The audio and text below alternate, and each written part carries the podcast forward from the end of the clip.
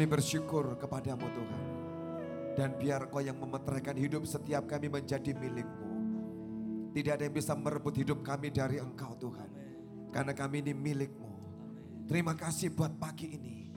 Kau yang mengajar kami kembali, mendidik kami kembali pada pagi ini. Bicara dari hatimu kepada kami. Dan biarkan berikan kami understanding pengertian yang dari Tuhan untuk mengerti firmanmu.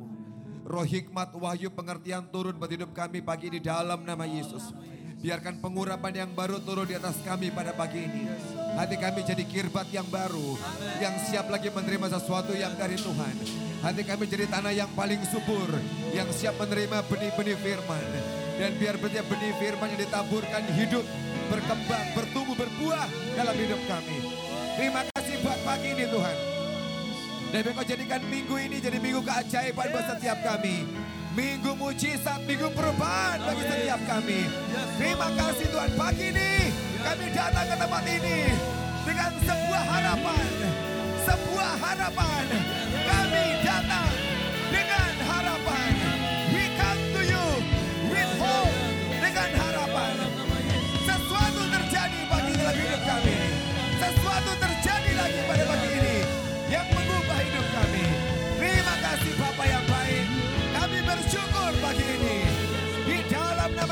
kami berdoa.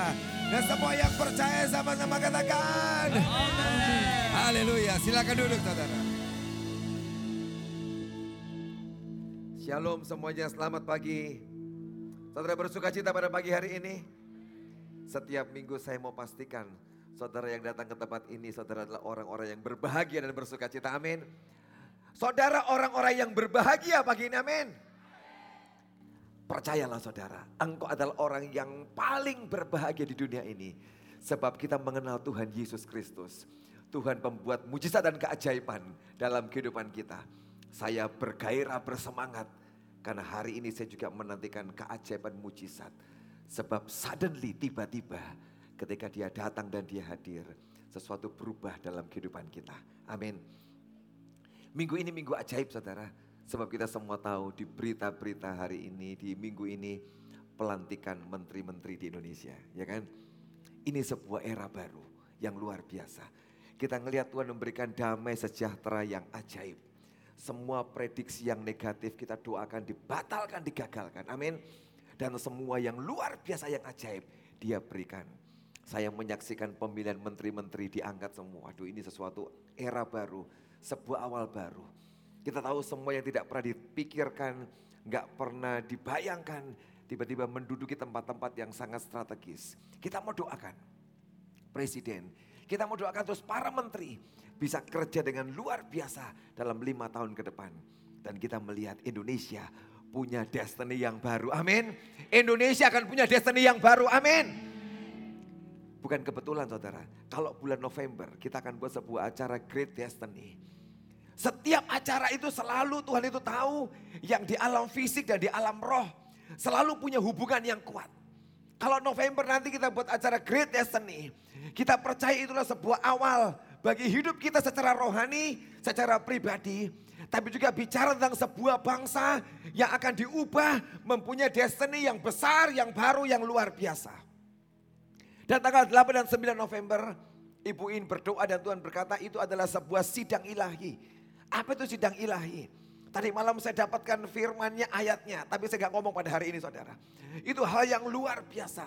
Di mana dia sebagai judge, sebagai hakim, di mana dia sebagai Tuhan. Dan dia undang para pemimpin. Dan para pemimpin itu dia katakan, mereka adalah seperti Elohim atau seperti Allah-Allah yang diundang saudara. Kata Elohim artinya ruler atau judge. Yaitu para pemimpin, para orang-orang yang sedang memutuskan sesuatu dia undang dalam sidang ilahinya. Dan dia akan buat tanggal 8 dan 9 sebuah sidang ilahi. Akan ada 34 provinsi yang kumpul datang saudara. Makanya hari-hari ini kami sedang sibuk nelponi memastikan 34 provinsi akan datang orang-orangnya dalam acara 8 dan 9. Dari luar negeri juga sudah datang konfirmasi datang mereka sudah book tiket, sudah kirim jadwalnya. Kita tahu ini bukan hal yang kecil. Tapi Tuhan sedang merencanakan sebuah hal yang besar penentu bagi hidup kita dan juga bangsa kita. Tapi juga bagi bangsa-bangsa lain saudara. Karena itu responi 8 dan 9 ini. Kita akan mulai jam 1 siang tanggal 8. Datang dan responi dengan sungguh-sungguh. Saya percaya sebuah nasib baru, masa depan baru sedang Tuhan siapkan bagi kehidupan kita. Amin. Kita buka firman Tuhan Amsal pasal yang ke-23 ayat yang ke-18. Amsal pasal yang ke-23 ayat yang ke-18.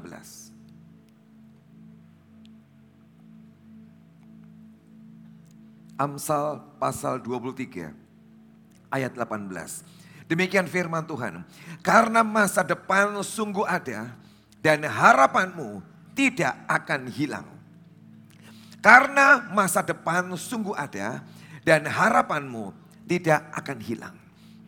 Sebuah perkataan janji Tuhan yang diberikan kepada orang yang paling berhikmat, yaitu Salomo, orang yang menulis dari kitab Amsal ini saudara. Tuhan berkata masa depan sungguh ada. Hari ini Tuhan mau katakan dia memeteraikan dalam hidup kita. Dia mau berkata masa depanmu sungguh ada. Amin. Masa depan saudara sungguh ada. Bukan cuma masa depan, tapi great destiny. Masa depan yang luar biasa, masa depan yang besar, masa depan yang ajaib itu sungguh ada. Dan satu respon yang mesti kau kerjakan.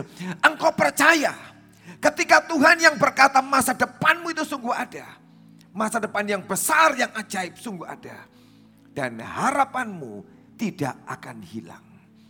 Harapan hidupmu tidak akan hilang. Sebab masa depan yang besar, yang great ini saudara.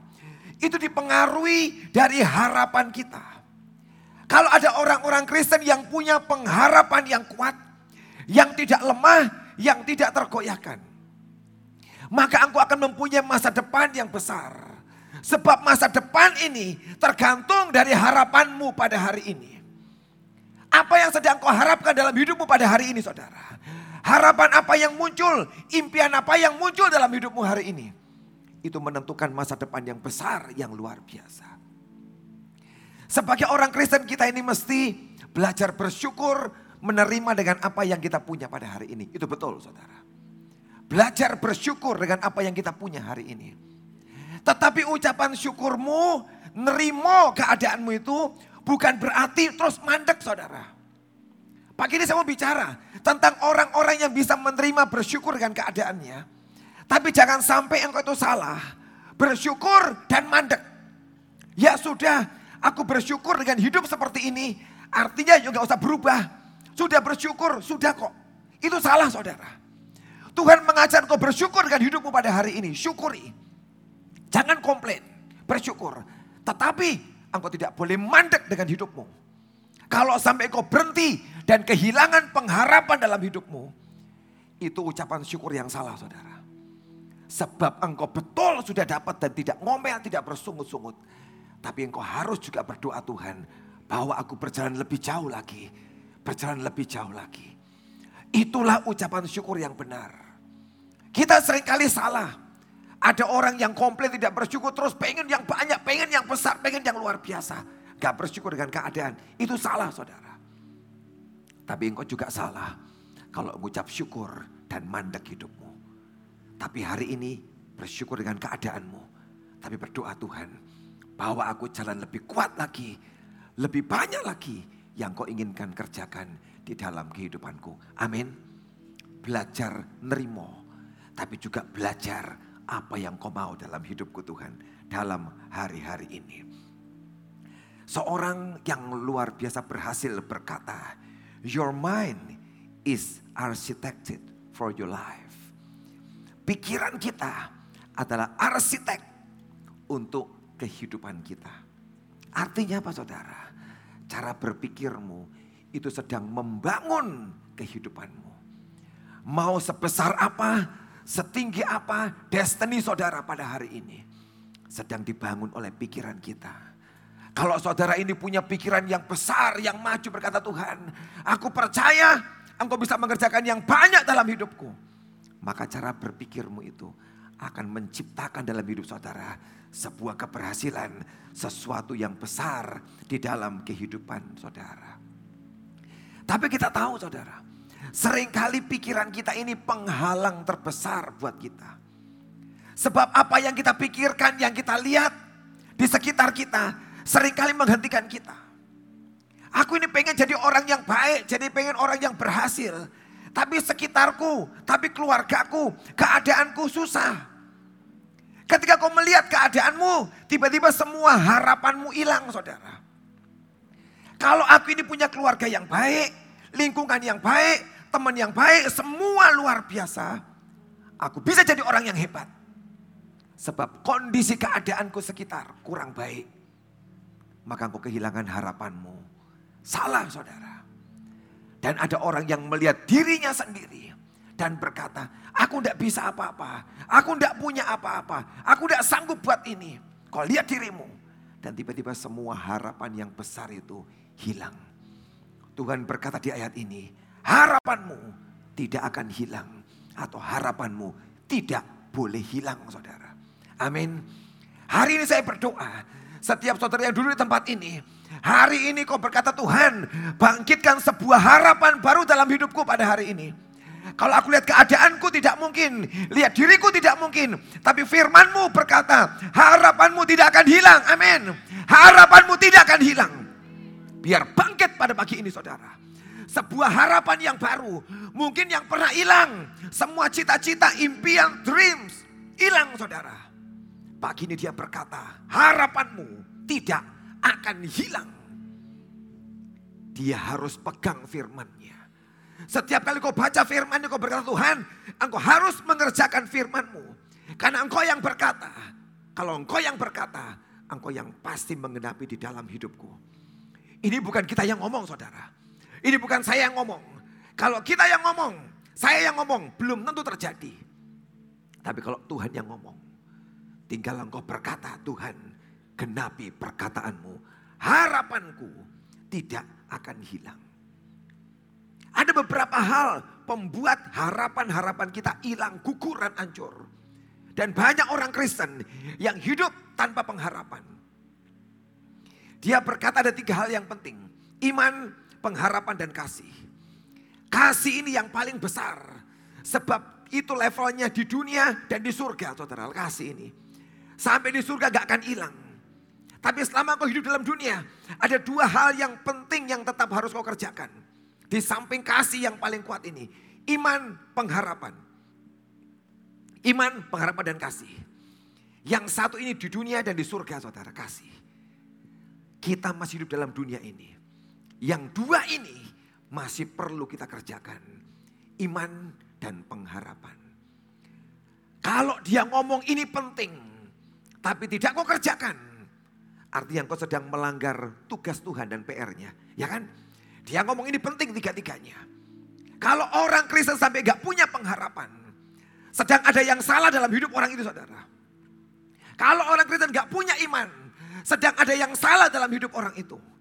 Sebab dia tidak komplit mengerjakan apa yang Tuhan kerjakan.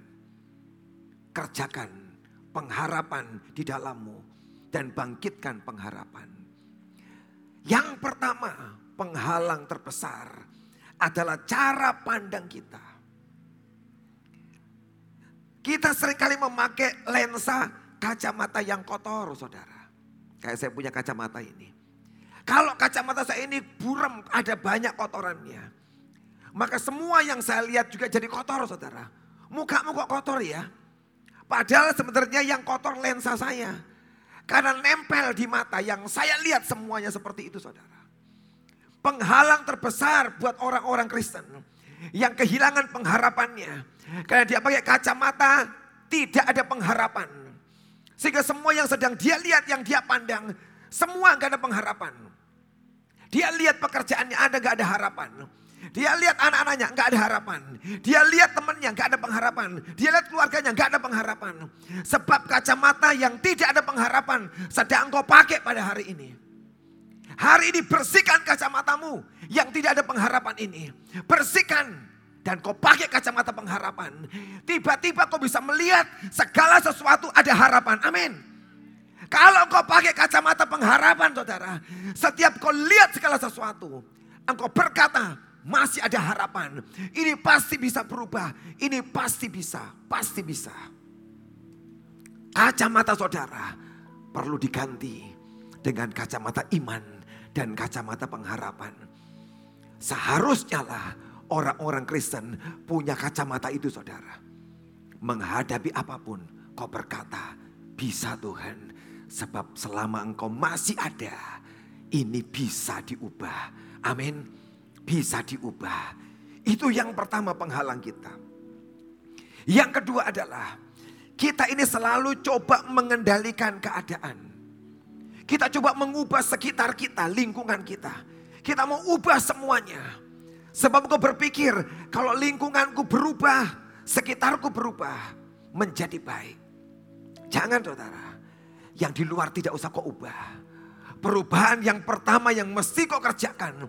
Mengubah dirimu sendiri. Mengubah sikap hatimu. Mengubah kondisi hatimu. Ketika hati ini berubah saudara. Nanti dia akan mengubah yang di luar. Dia akan mengubah semua yang di luar. Jangan coba mengubah lingkunganmu. Terlalu sukar. Banyak orang frustasi dan putus asa. Dia mau coba ubah lingkungannya. Gak pernah bisa. Yang perlu engkau ubah di sini saudara. Hatimu. Ketika hatimu berubah. Engkau akan lihat yang di luar di sekitarmu tiba-tiba berubah, berubah dan berubah. Amin. Akan berubah, akan berubah. Saya exciting dengan Menteri Pendidikan yang baru saudara. Saya percaya ini orang yang masih sangat muda. Mungkin 35 umurnya. Sangat muda saudara. Sudah jadi menteri. Kita optimis. Satu kali orang ini akan mengubah Indonesia dengan pikiran optimisnya. Ya, dia orang yang berhasil, orang yang sukses. Pak, tapi tidak nyambung bisnis keberhasilannya dengan hari ini. Kalau dia pernah berhasil di bisnis ini, kalau Tuhan taruh dia di sana, dia akan pun bisa membuat pendidikan menjadi sukses dan berhasil. Amin. Dia bisa. Dia bisa. Ini beda. Tapi ada orang yang berani. Kita angkat dia. Pilih dia. Gak ada sambungannya. Tenang aja saudara. Tuhan selalu bisa buat nyambung apa pun juga saudara. Amin. Amin. Kalau engkau mengubah di hatimu, berubah di sini. Di sekitarmu, tiba-tiba engkau lihat akan berubah menjadi luar biasa. Orang-orang yang baru lahir baru, itu orang yang pertama kali disentuh Tuhan hatinya. Semua orang yang sungguh-sungguh lahir baru, habis didoakan, habis nangis-nangis terima Tuhan, diubah hidupnya. Selalu berkata, kok lampunya lebih terang ya? Kok lebih bagus ya? Dia ngelihat pemandangan yang biasa jauh lebih bagus. Lampunya sama wattnya mungkin 10 watt saudara. Lingkungannya mungkin pemandangan sama saudara. Begitu hati berubah, maka yang dia lihat tiba-tiba berubah semuanya. Perubahan dia awali dari sini saudara. Yang ketiga, kalau engkau mau tetap punya pengharapan, gunakan rasa sakit, frustasi, ketidaknyamanan yang kau alami untuk memotivasi dirimu untuk lebih maju lagi. Saya tahu rasa sakit, frustasi, ketidaknyamanan sering membunuh harapan saudara. Mematikan harapanmu. Tapi orang-orang yang luar biasa, rasa sakit, frustasi, dan ketidaknyamanan dia pakai memberikan dorongan bagi hidupnya untuk lebih sungguh-sungguh lagi, lebih giat lagi. Amin. Jangan pernah izinkan kesukaran mematahkan harapanmu dan imanmu. Tapi izinkan semua yang sukar itu memberikan dorongan yang kuat. Aku mau lebih sungguh-sungguh lagi, lebih serius lagi. Dan tidak ada yang bisa menghentikan hidupku. Tidak ada yang bisa menghentikan kehidupanku. Sakit problem, frustasi biasa. Setiap orang itu menghadapi itu saudara. Ya kan? Gak ada orang yang lepas dari itu. Tapi kenapa yang satu ngalami diangkat tinggi, yang satu ngalami dan turun ke bawah. Tinggal cara memandangnya. Yang ini bagus. Aku pakai untuk mendorong hidupku. Yang keempat saudara. Untuk kau bisa punya pengharapan. Lakukanlah hal-hal kecil yang menuju pada hal-hal besar. Alkitab mengajar bagus kok. Setia dalam perkara-perkara kecil akan dipercayakan perkara yang besar. Jangan pernah memandang yang kecil, oh ini gak ada bapaknya. Cuma kecil gak ada bapaknya, engkau sedang salah saudara. Hal-hal kecil yang kau pikir tidak pernah mengubah hidupmu. Justru yang kecil-kecil, kalau engkau setia mengerjakannya dengan sungguh-sungguh. Akan menghasilkan perkara besar, hal yang besar. Dan Tuhan percayakan dalam hidupmu. Kadang-kadang kita gak suka dengan yang kecil-kecil. Kita pengen langsung pencapaian yang hebat. Great destiny, destiny yang besar selalu diawali dengan orang-orang yang mengerjakan perkara kecil dengan sungguh-sungguh. Sehingga dia bisa mencapai semua yang besar. Jangan pernah remehkan hal-hal kecil dalam hidupmu. Kerjakan dengan sungguh-sungguh. Engkau jadi besar. Saya suka dengan presiden kita. Orang-orang kadang-kadang gambarkan background masa lalunya. Dia tukang kayu saudara. Ya kan? Dia seorang bisnis mebel saudara jadi besar. Ketika dia mengerjakan bisnisnya, dia kerja dengan sungguh-sungguh dengan serius. Menyiapkan dia jadi orang yang besar. Hubungannya apa? Tukang kayu menjadi seorang presiden. Tidak ada. Yesus kita sama. Pernah jadi tukang kayu dulu saudara. Ketika dia tinggal di Nazaret dengan papanya. Tukang kayu. Tapi tukang kayu itu diangkat menjadi raja segala raja. Amin Tenang saudara, yang kecil-kecil selalu punya hubungan dengan yang sangat besar. Kalau ada orang yang setia dengan perkara kecil, jangan mikir ini gak ada hubungannya kok dengan destiny yang besar. Ada saudara hubungannya. Sebab dia yang pernah berkata, setia dalam hal kecil. Aku percayakan hal besar kepadamu. Kita gak pernah tahu ketika kau setia dalam hal kecil. Tiba-tiba, tiba-tiba itu kata bagus saudara. Tiba-tiba. Sebab kau tidak pernah bisa menyangka kapan waktunya. Tapi selalu ada waktunya tiba-tiba. Dia berkata aku percayakan yang besar kepadamu. Dan kau lihat Tuhan destiny hidupku menjadi besar dan luar biasa. Yang keenam, yang terakhir. Apa yang jadi penghalang hidup kita saudara. Untuk kita mendapatkan harapan yang besar.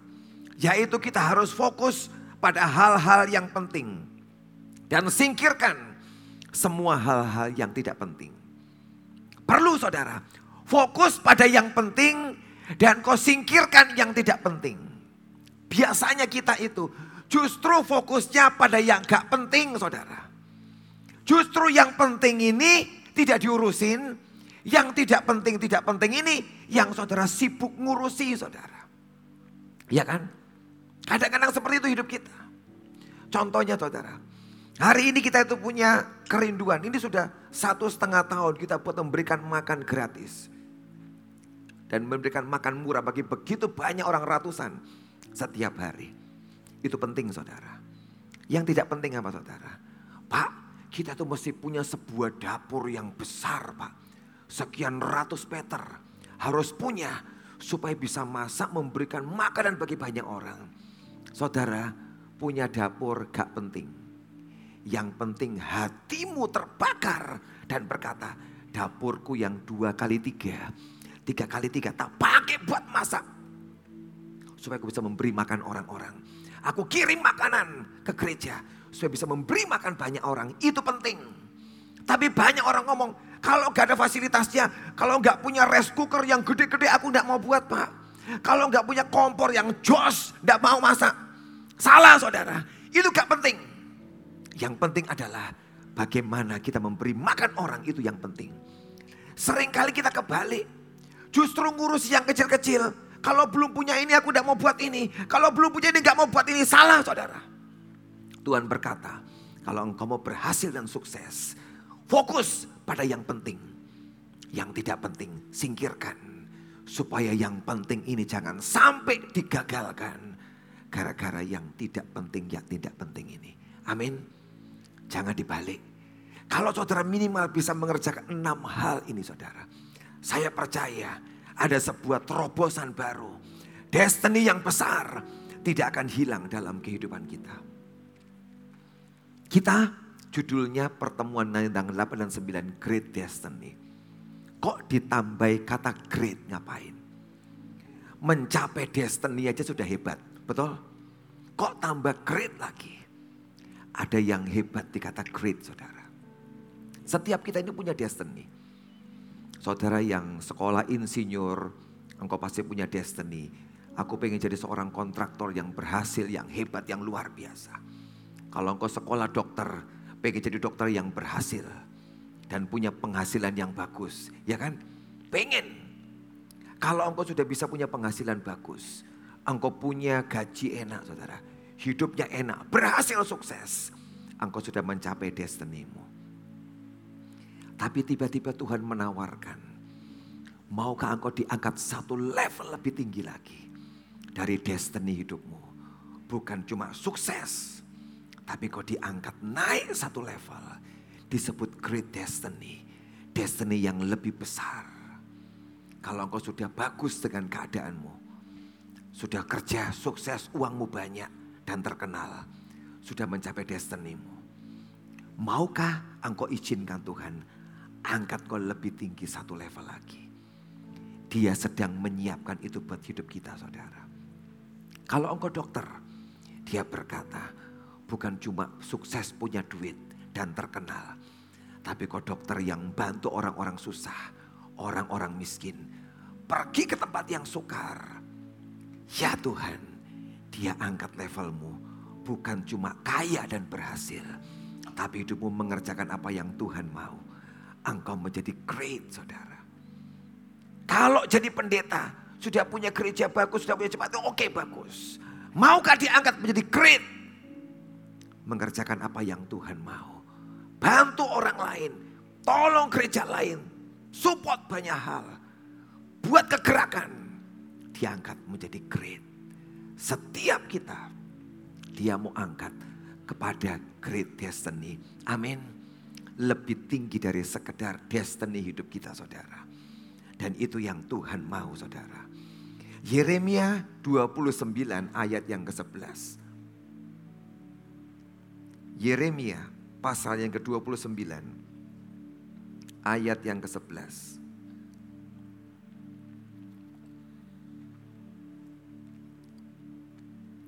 Sebab aku ini mengetahui rancangan-rancangan apa yang ada padaku mengenai kamu.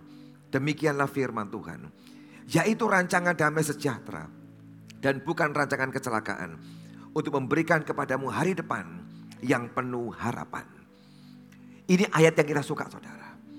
Dia berkata dia merancangkan kita untuk memberikan kepada kita hari depan yang penuh harapan. Dia memberikan great destiny Hari depan yang penuh pengharapan kepada kita. Kita suka hari depan penuh pengharapan. Semua kita berkata Tuhan berikan aku hari depan yang penuh pengharapan.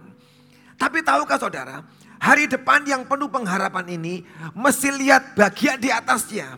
Dia berkata, aku tahu rancangan-rancangan apa yang ada padaku. Ada sebuah rancangan yang besar, yang hebat. Akibatnya engkau punya hari depan yang hebat, yang luar biasa. Dan Tuhan berkata, aku tahu rancanganku.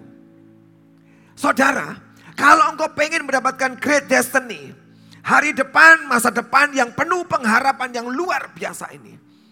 Engkau mesti lihat yang di atasnya. Tuhan, rancanganmu apa bagi hidupku?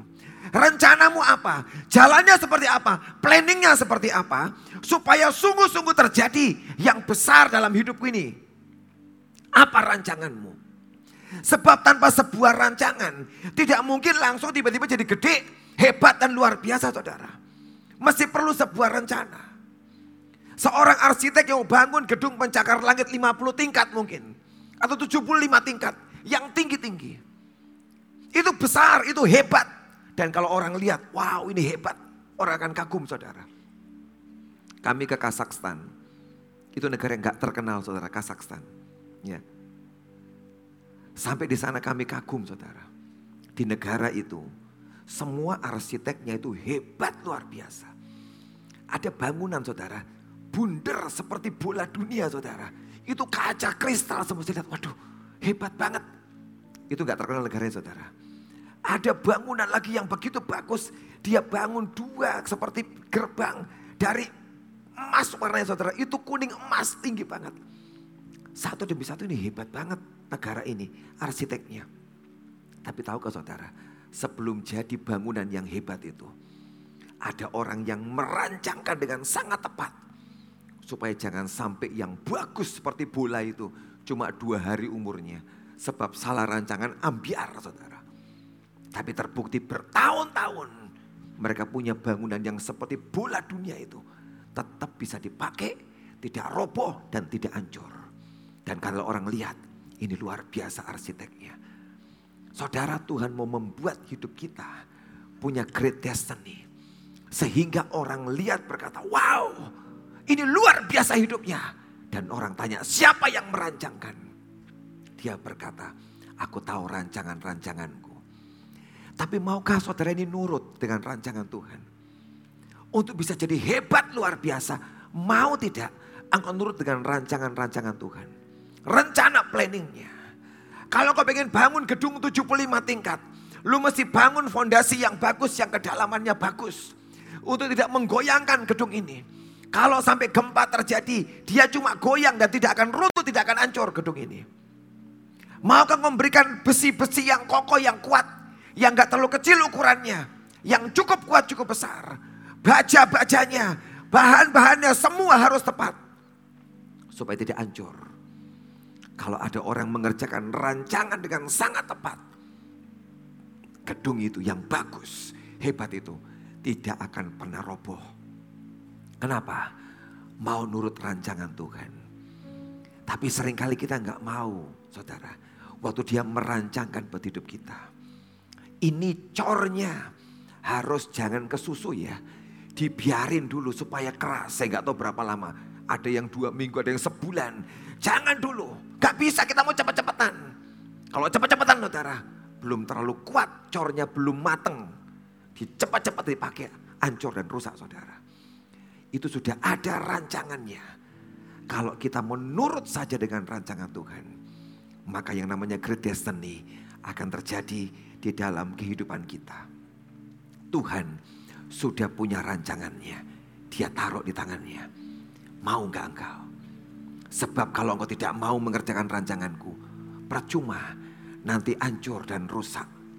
Tapi orang-orang yang berhikmat Orang yang cerdas berkata, aku mau. Kadang-kadang saudara, rancangan yang mesti kita lewati yang tidak enak. Menunggu. Mau nunggu?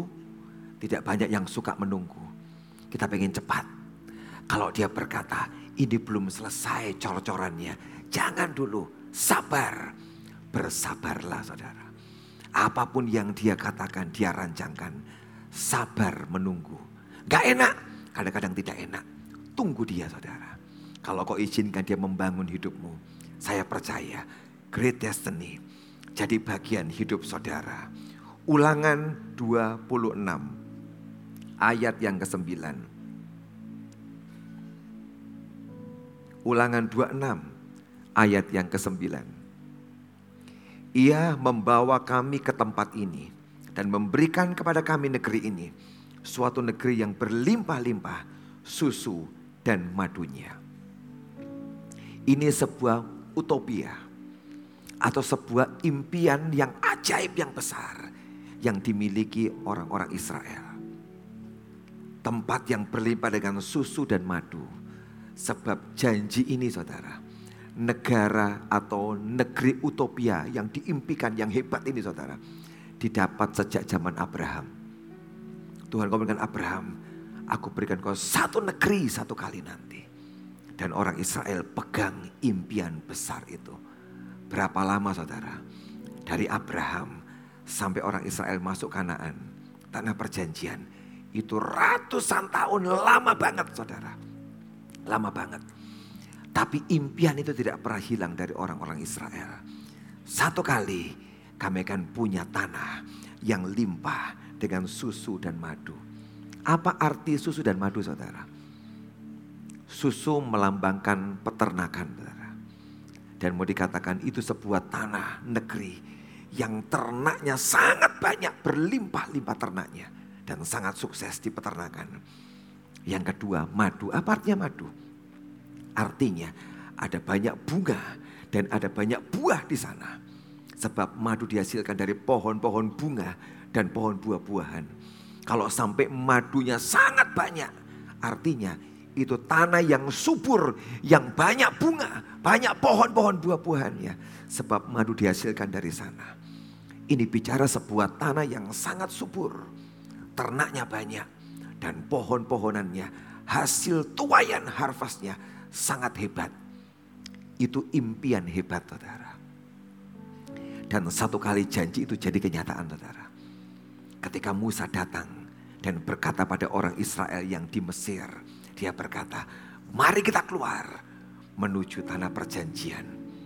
Dan dua juta orang dengan sebuah hope, harapan besar. Kami masuk ke tanah yang hebat. Itu harapan mereka. Tapi saya mau tanya dengan saudara, berhasilkah mereka masuk tanah itu? Berhasilkah mereka? Sebenarnya tidak berhasil. Kalau engkau baca ceritanya dengan sungguh-sungguh, orang yang dapat janji itu tidak berhasil Cuma dua yang berhasil, Yosua dan Kaleb. Sebab seluruh orang yang pernah di Mesir yang keluar itu, Alkitab berkata mati berhantaran di padang gurun. Gak ada yang masuk. Siapa yang masuk Kanaan? Anak-anak mereka yang lahir di padang gurun. Dan bukan yang lahir dari Mesir. Yang dari sana habis semuanya. Yang lahir di padang gurun. Itu yang masuk ke tanah Kanaan saudara. Padahal mereka punya impian besar. Kami akan mendapatkan tanah yang hebat, tanah yang luar biasa. Saudara, Mesir alot saudara melepaskan orang Israel. Ketika Musa berkata lepaskan bangsanya Tuhan. Mereka berkata tidak ditahan luar biasa. Sampai sepuluh tulah kena dengan Mesir. Dilepasin saudara. Mujizat keajaiban ditunjukkan buat orang Mesir dilepas mereka. Lepas lolos kok saudara. Tapi apa yang Mesir kerjakan? Oke, hari ini kamu lepas lolos dari Mesir, tidak apa-apa. Lepas dari sini. Tapi apa yang Mesir buat saudara? Mereka berkata, jangan sampai mereka masuk ke tanah itu. Kami loloskan dia, gak apa-apa. Pergi dah. Tapi kamu tidak bakal pernah masuk ke tanah itu. Saudara tahu? Tuhan punya janji great destiny buat setiap kita. Amin. Mesir Dunia rela melepas. Tapi dunia akan coba terus saudara. Untuk berkata, lepas dari aku tidak apa-apa. Tapi jangan sampai engkau masuk ke tanah itu saudara. Dan dia coba halangi engkau. Dan Mesir berhasil. Dia membunuh semua orang-orang yang keluar dari Mesir itu. Habis semuanya. Kecuali dua orang yang selamat saudara. Yang bisa masuk cuma generasi yang baru yang masih muda yang lahir di padang gurun. Itu menyedihkan. Tapi Tuhan berkata, baca ayat itu jadi peringatan buat kita. Engkau bisa lolos dari Mesir, dari dunia. Tapi belum tentu engkau bisa masuk ke tanah perjanjian. Kecuali engkau punya usaha seperti Yosua dan Kaleb. Hatimu berbeda dan kau sungguh-sungguh Spiritmu berbeda. Kau sungguh-sungguh. Baru kau bisa masuk ke great destiny. Saya tahu ini sebuah tema yang tidak gampang saudara. Selalu tiap kali Semarang mendapat tema saudara.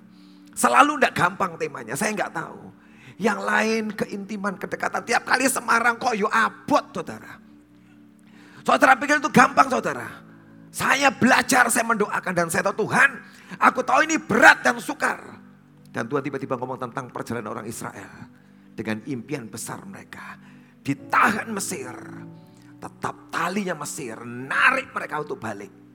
Dan terbukti berkali-kali saudara. Tiap kali mereka punya persoalan, komplainnya apa? Balik Mesir. Tiap kali punya persoalan, balik Mesir. Kenapa? Tali Mesir sangat kuat ngikat hidup mereka. Tapi jadilah orang-orang yang punya hati dan generasi yang baru. Lahirnya di mana saudara? Kenapa kok mereka ini balik lagi saudara? Kepahitan, kekejaman, penindasan, semua yang dari Mesir. Tetap di hati mereka tidak lepas, tidak keluar saudara. Buat orang-orang Israel. Trauma pengalaman itu Yang membuat mereka ketarik terus ke masa lalu mereka. Gak bisa mencapai masa depan.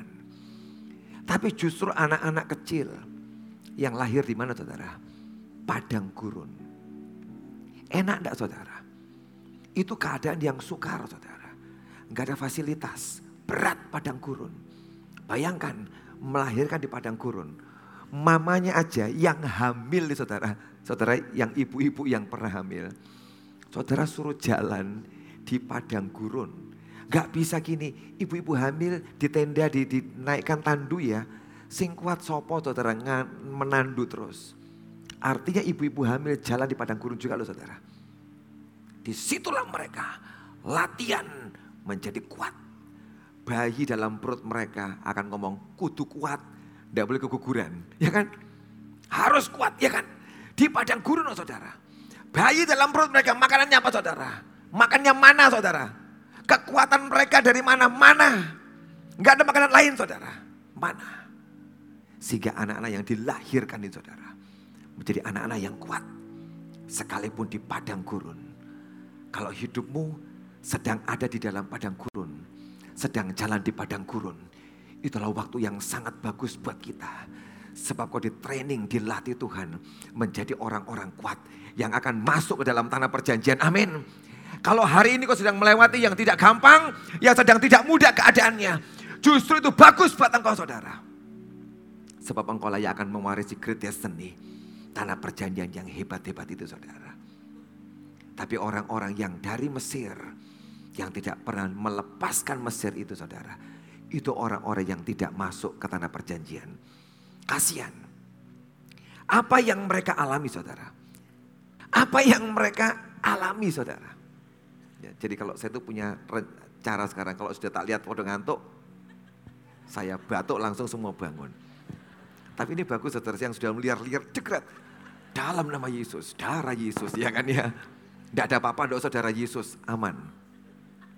Saudara apa yang membuat orang-orang ini semua gagal masuk saudara? Apa yang membuat mereka gagal masuk hari itu? Ada berapa peristiwa yang mereka lewati? Yang pertama saudara. Bilangan 11, 33 sampai 34. Itu peristiwa nama di tempat namanya Kibrot Ta'awa saudara. Itu masalah keserakahan, kerakusan. Salah satu yang menghalangi mereka sampai gak bisa masuk di Great Destiny. Tanah perjanjian yang hebat. Satu, keserakahan, kerakusan. Hari itu orang-orang Israel kita gak usah baca ayatnya saudara. Saya ceritakan aja. Orang Israel sedang berjalan. Makannya mana terus. Mereka ngomong kita dulu makannya enak. Kita makan bawang prei. Ya. Holiday garlic bahasa Inggrisnya. Bawang prei. Ya kalau prei kan holiday ya kan. Bawang kan garlic. Jadi holiday garlic. Ya untuk orang-orang yang bisa bahasa Inggris. Yaitu terjemahannya holiday garlic. Bawang prei. Kemudian ada semangka watermelon, ya kan? Melon yang berair, watermelon. Kita makan mentimun, saudara. Ya, cucumber. Kita makan ini semua yang enak. Makan ikan. Sekarang katanya, katanya. Tanah perjanjian mau dibawa yang enak-enak. Mana? Komplain. Daging, daging. Mana bosan makan ini terus. Tuhan itu baik saudara. Tetap dituruti mereka gara-gara makanan ini ngamuk sama Tuhan. Daging. Apa yang Tuhan buat? Dikirim burung puyuh saudara. Berapa lama Tuhan kasih burung puyuh saudara? Dikirim. Baca di Alkitab. Satu bulan. Setiap hari Tuhan kirim angin itu menerbangkan burung puyuh datang ke perkemahan mereka. Jumlahnya itu jutaan burung puyuhnya saudara. Dari mana datangnya saudara? di padang gurun kok tiba-tiba ada puyuh saudara. Dari mana? Saya percaya Tuhan yang kirim. Wes wes malaikat, tolong aku cari puyuh sing oke. Ini komplain semua. Dikasih. Orang Israel 2 juta saudara. Kalau semua makan daging, berapa juta burung puyuhnya? Kalau satu orang makan satu, tidak cukup pasti ya. Wong burung puyuh segini besarnya. Pasti makannya banyak. Jadi itu ada burung jutaan yang datang ke perkemahan. Dan mereka ambil burung puyuh. Dan mereka makan. Satu bulan saudara dikasih. Tuhan ya kalau sudah jengkel saudara dikasih nyoh makan sampai belenak makan. Dan yang terjadi mereka rakus saudara. Itu masih di mulutmu. Udah gerayak saudara. Jauhkan kita dari spirit ini saudara. Itu penghalang mereka masuk ke Destiny tanah perjanjian. Karena serakah dan rakus. Mungkin hari ini saudara tidak rakus dengan burung puyuh. Saya tidak doyan kok saudara. Mending ayam yang lebih enak ya kan?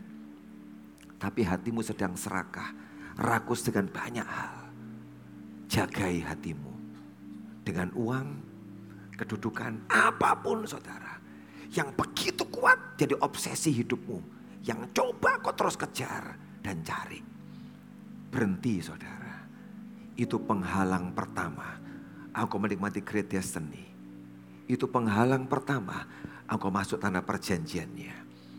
Buang semua itu Orang boleh punya pengharapan, boleh punya impian. Tapi kalau sampai serakah dan rakus, itu penghalang terbesar. Singkirkan yang tidak penting, supaya yang penting bisa kau dapatkan. Amin. Namanya Kibrot Ta'awa. Tempat dia mengirim burung puyuh itu saudara. Kata Kibrot Ta'awa artinya the grave of lust. Kuburan hawa nafsu. Betul kok saudara. Ketika engkau tuh serakah dan rakus. Itulah yang akan mengubur kita. Menghentikan kita dari sebuah perjalanan rohani kita mencari Tuhan. Kerakusan kita, keserakan kita. Seperti kuburan menenggelamkan kau ke dalam sana. Dan kalau kau dikubur di sana artinya apa saudara? Mandek, berhenti, dan tidak ke mana-mana. Buang semua kerakusan, keserakahan supaya nggak ada kuburan buat kita. Engkau tetap hidup dan tetap jalan bersama dengan Tuhan.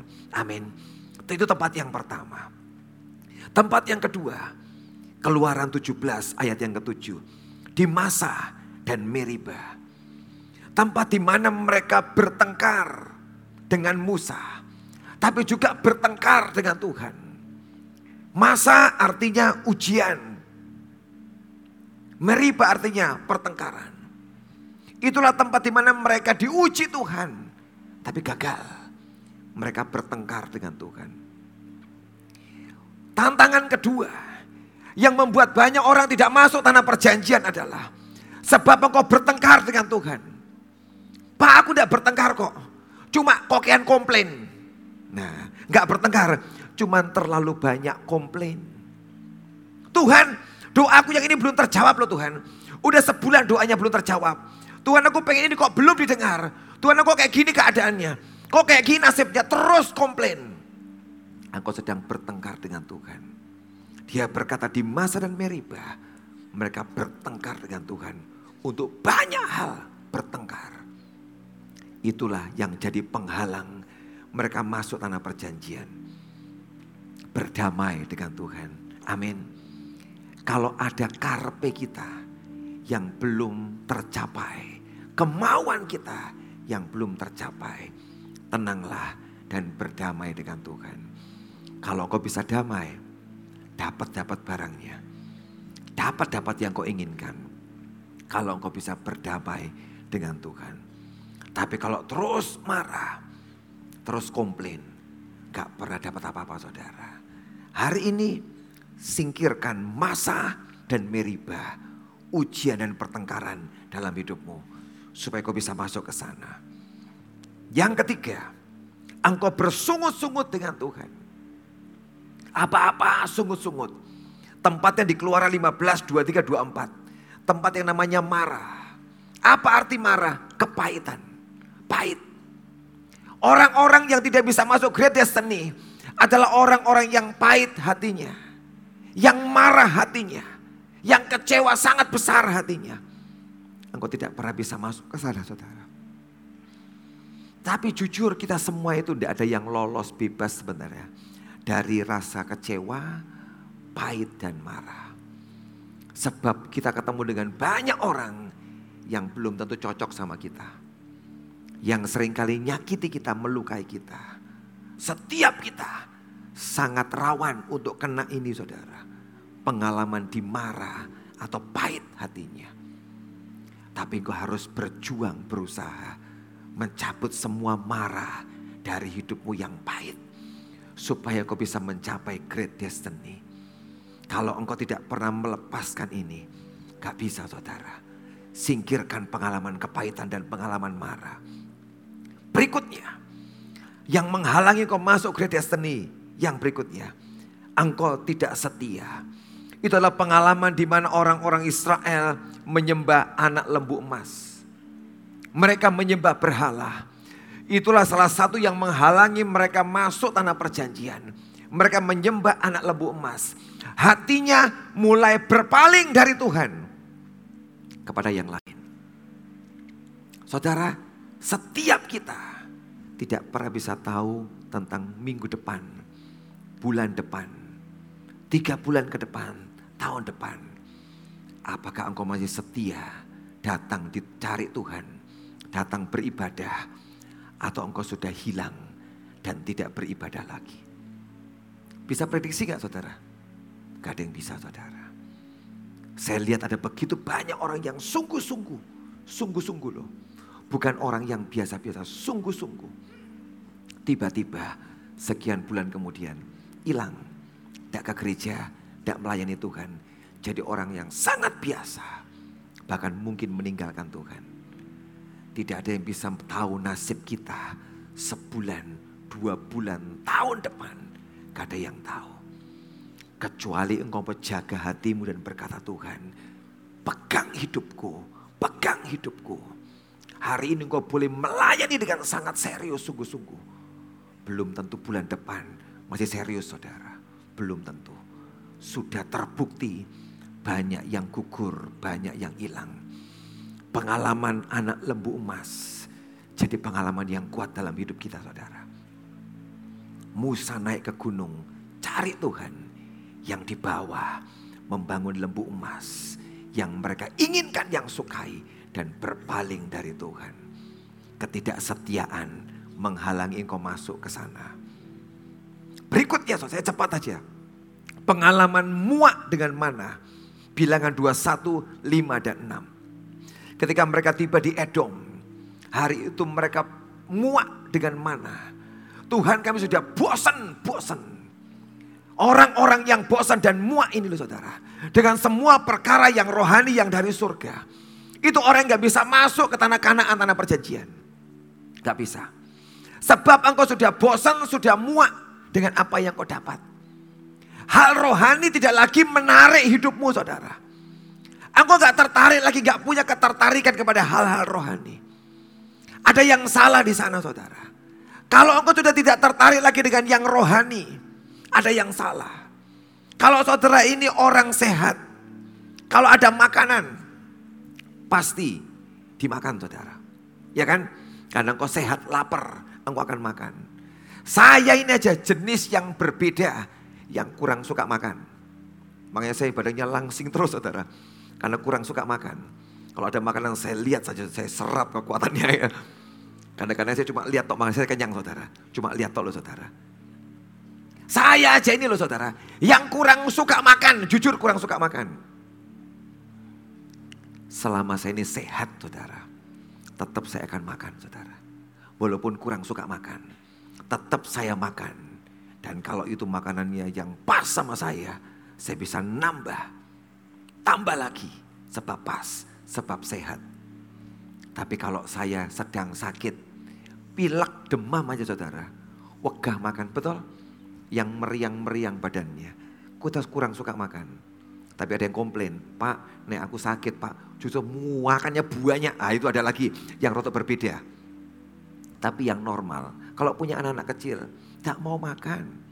Kita semua tahu wah ini gak ada enak badan. Pak Hengki itu punya piaraan saudara. Dalam hari-hari ini beliau lagi stres. Sebab piaranya gak, gak mau makan. Gak mau makan saudara. Udah dikasih jangkrik menolak gedek-gedek. Dikasih kelabang gedek-gedek. Gak mau makan. Kenapa saudara? Sebab satu kali ketika sedang makan, piaraannya lompat keluar dari akuarium, jatuh ke lantai, terus shock. Ikan, shock dia kaget. Loh kok tidak ada air? Lepek, lepek, lepek. Dikembalikan. Setelah itu tidak mau makan. Deg-degan terus hatinya. Kurang enak badan. Tidak mau makan. Kalau rohanimu kurang enak badan saudara. Engkau tidak mau perkara rohani. Loh betul. Cek aja. Kalau engkau sudah tidak mau yang rohani-rohani. Saudara sedang tidak enak badan. Mungkin sedang meriang.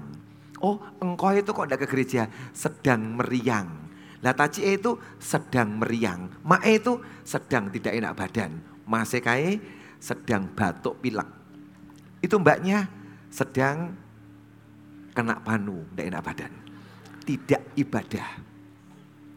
Itu cirinya saudara. Kehilangan kemauan untuk yang rohani. Jangan ada. Kalau sudah tahu, kok aku tidak pengen yang rohani. Cepat berobat ke Tuhan, Tuhan sembuhkan aku. Orang-orang ini bosan dengan apa yang dari Tuhan. Dan hari itu yang terjadi saudara. Dikirimlah ular tedung. Ular padang gurun. Retel itu ularnya saudara. Yang ekornya ada itu tahu ya itu ular. Dan itu ularnya saudara. Itu ular yang paling berbisa saudara. Ketika mereka bosan ngamuk-ngamuk mana terus, mana terus. Bosan makan ini. Ganti yang lain Tuhan. Itu ular tiba-tiba muncul sangat banyak dan memakut orang Israel. Itu ular berbisa yang digigit ular pasti mati. Hari itu ada ribuan orang saudara. Puluhan ribu orang yang mati karena ular itu saudara. Gara-gara apa saudara? Bosen. Aku bosen. Betul saudara. Detik engkau bosan dengan yang rohani saudara. Taulah saudara. Tiba-tiba ular akan keluar muncul dengan sangat kuat. Dia akan memakut engkau bukan cuma membuat engkau sakit, tapi dia buat rohanimu mati. Ketika ada orang-orang yang sudah mulai bosan dengan hal rohani, tahukah ular-ular akan muncul, akan mematikan rohanimu sekalian. Dan hari itu banyak orang Israel yang mati. Dia tanya ke Tuhan, Tuhan ini masih berbuat apa? Tuhan katakan buat ular tembaga, pasang. Dan siapa yang lihat ular itu, dia tidak mati Aneh saudara, yang membunuh itu adalah ular. Suruh masang ular tembaga. Yang lihat ke ular itu, tidak jadi mati saudara. Artinya apa? Kalau engkau tahu sadar tempat kesalahanmu di mana, menyadari dan memandang kepada kesalahanmu, sadar bertobat, akan selesai persoalanmu. Balik kepada Tuhan lagi. Amin. Lihat dan kau akan disembuhkan. Apa pun juga yang sedang kau alami dalam hidupmu. Buang semua rasa muak bosan kepada yang rohani. Yang terakhir, Baal Peor. Orang-orang Israel kawin campur dengan orang-orang Moab, orang Midian. Minggu lalu saya khotbah tentang Bileam ya. Eh minggu lalu betul ya? Khotbah tentang Bileam saudara. Yang hidupnya tidak sungguh-sungguh dengan Tuhan. Ini Bileam gagal mengutuki orang Israel saudara. Tapi sebenarnya dia punya trik yang luar biasa. Membuat orang Israel kalah dan hancur saudara. Karena Baal Peor ini adalah Bileam itu ya. Yang dia jebak orang Israel. Kawin campur dengan orang Moab. Yang sana kutuknya tidak masuk. Tapi setan tuh pinter masuk. Peristiwa Baal Peor, orang Moab, orang Midian kawin dengan orang Israel. Tidak usah nunggu apa-apa, Tuhan yang marah pada mereka. Dan karena ketidaksetiaan campur ini loh saudara. Mereka 24 ribu orang mati saudara. Karena mereka kawin campur. Saudara, jangan nyampur dengan dunia. Kalau engkau mau Tuhan, Tuhan sungguh-sungguh. Jangan kompromi dengan dunia. Kita hidup dalam dunia. Boleh kerja, boleh. Jangan kerja dewek. Tidak mau kamu orang dunia. Aku tidak mau jual produkku sama orang dunia. Jalan jual aja saudara. Jangan sifatnya orang dunia masuk dalam hidupmu. Itu yang tidak boleh saudara. Kalau engkau tidak mau bergabung sama orang dunia. Yo siapa yang mau beli saudara? Aku tunggu malaikat-malaikat kok pak yang beli. Beli, tidak ada saudara. Tetap di dalam dunia engkau boleh berdagang dengan siapa pun juga.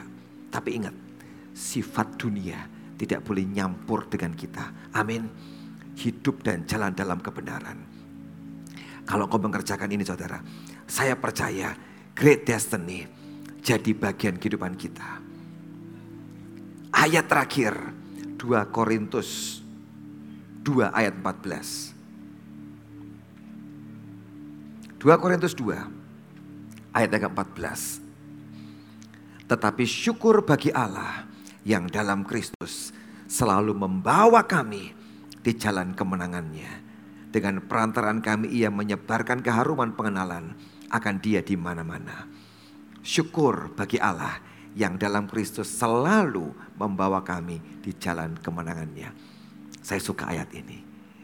Selalu membawa kami di jalan kemenangannya. Ada great destiny. Rencana yang hebat. Ada Mesir yang coba menghalangi kita. Tapi hari ini dia memberikan jaminan. Kamu akan jalan dalam jalan kemenangannya. Selalu saudara. Artinya Tuhan sangat serius. Mau nolong kita. Supaya tidak ada yang mandek di tengah jalan. Tapi semua kita mau dibawa masuk Sebab Tuhan Yesus, roh kudusnya mau menyertai kita. Selalu membawa kita di jalan kemenangannya. Amin. Ayat ini membuat kita semua tenang. Puji Tuhan. Semua halangan yang menakutkan itu bisa disingkirkan. Sebab dia memberikan jaminan buat kita. Selalu dalam jalan kemenangannya. Amin. Supaya setiap kita mencapai great destiny. Tutup Alkitab saudara. Kita berdiri sama-sama hari ini.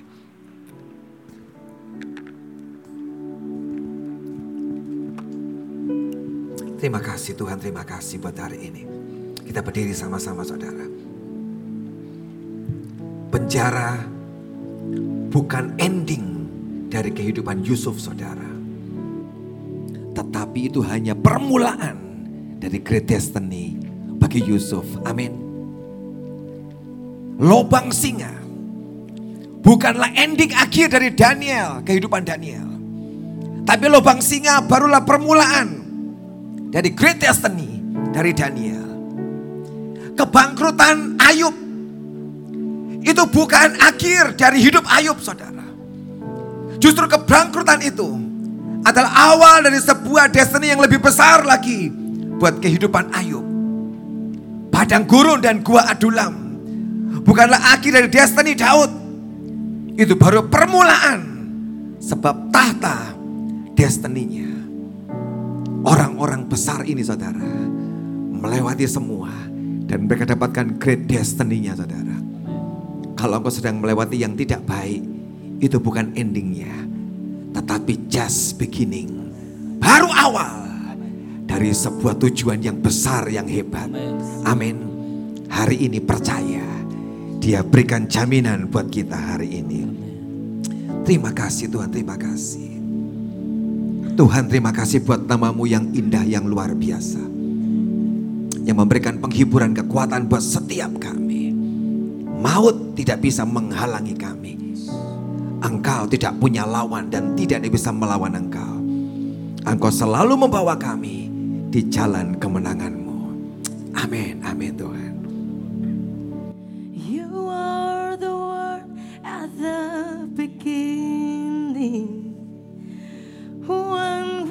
God.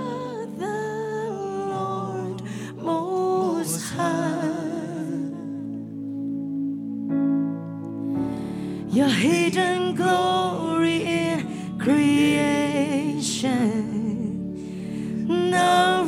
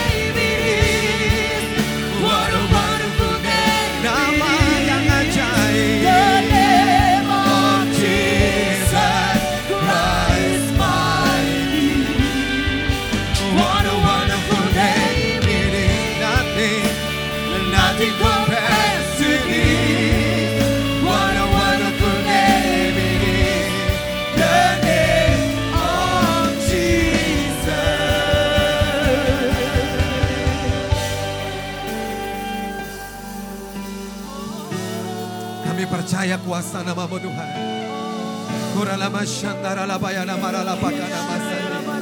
Tidak satu pun yang bisa melawan engkau dan kau tidak punya lawan. Dan Tuhan yang ajaib itu bersama dengan kami. Memberikan jaminan buat kami berjalan dan masuk dalam great destiny kami. Tidak ada yang berhenti di padang gurun. Tidak ada yang mati di padang gurun. Kami sebagai terus masuk ke tanah perjanjianmu.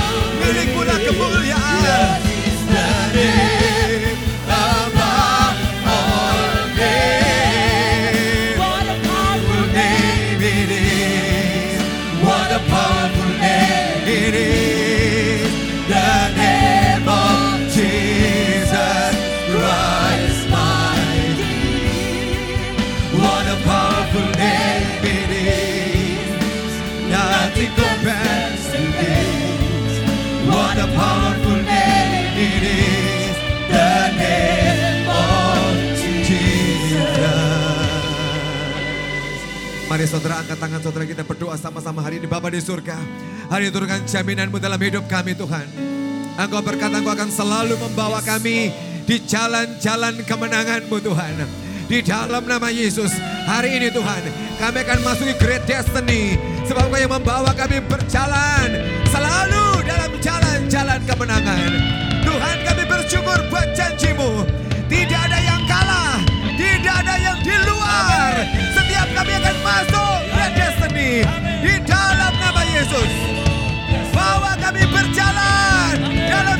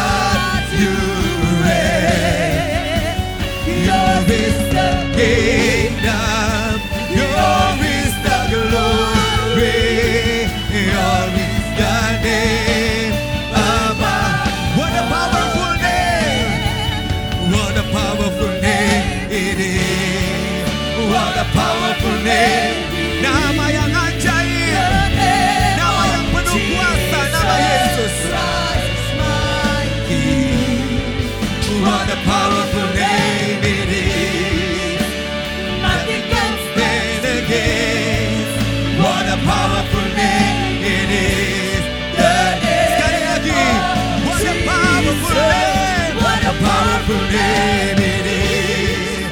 What a powerful name it is. The name of Jesus Christ, my King. What a powerful name it is. Nothing compares against. What a powerful name it is. The name Terima kasih buat namamu yang kuat, ajaib dan luar biasa. Engkau yang memberikan jaminan buat setiap kami untuk menang Tuhan. Hari ini tolong umatmu Tuhan. Setiap kami alami kemenangan yang ajaib bersama dengan Tuhan. Setiap kami akan mencapai great destiny hidup kami. Terima kasih buat pagi ini Tuhan. Bersyukur kepadamu. Engkau yang menjamin kemenangan kami. Dan hari kami akan bawa korban kami. Kuduskan berkati persembahan kami. Biar yang kami bawa dinaikkan di hadapanmu. Menyenangkan hatimu. Bicara pada kami berapa yang harus kami bawa kepadamu pada pagi hari ini Tuhan. Terima kasih Bapak, terima kasih. Jalan-jalan kemenangan jatah kami. Jalan-jalan kemenangan jatah kami. Jalan-jalan kemenangan jatah kami. Terima kasih buat pagi ini. Kami bawa korban syukur kami dengan ucapan syukur. Di dalam nama Yesus kami berdoa. Dan semua yang dapat jaminan Tuhan katakan. Amin.